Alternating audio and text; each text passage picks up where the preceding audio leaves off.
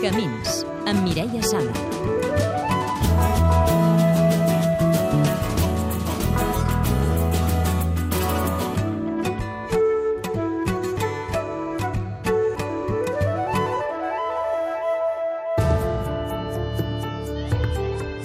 Tinc tendència suïcida.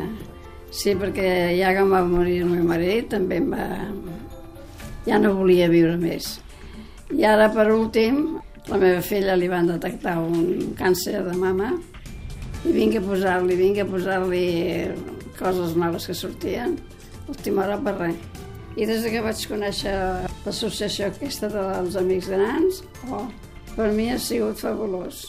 Isabel, voluntària d'Amics de la Gent Gran. Y hubo buen, histo- buen rollo, no sé. Ella es muy de espíritu así un poco alegre, siempre me va vestida muy moderna y desde el primer desde el primer momento y es una monada ella.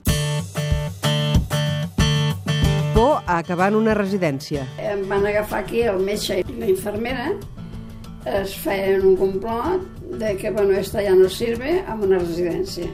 Y un día me agafan y me dicen, diu, mira, Àngela, diu, tu, diu, has d'anar a residència. Jo, quan me diu a la residència, se m'emporten els dimoris.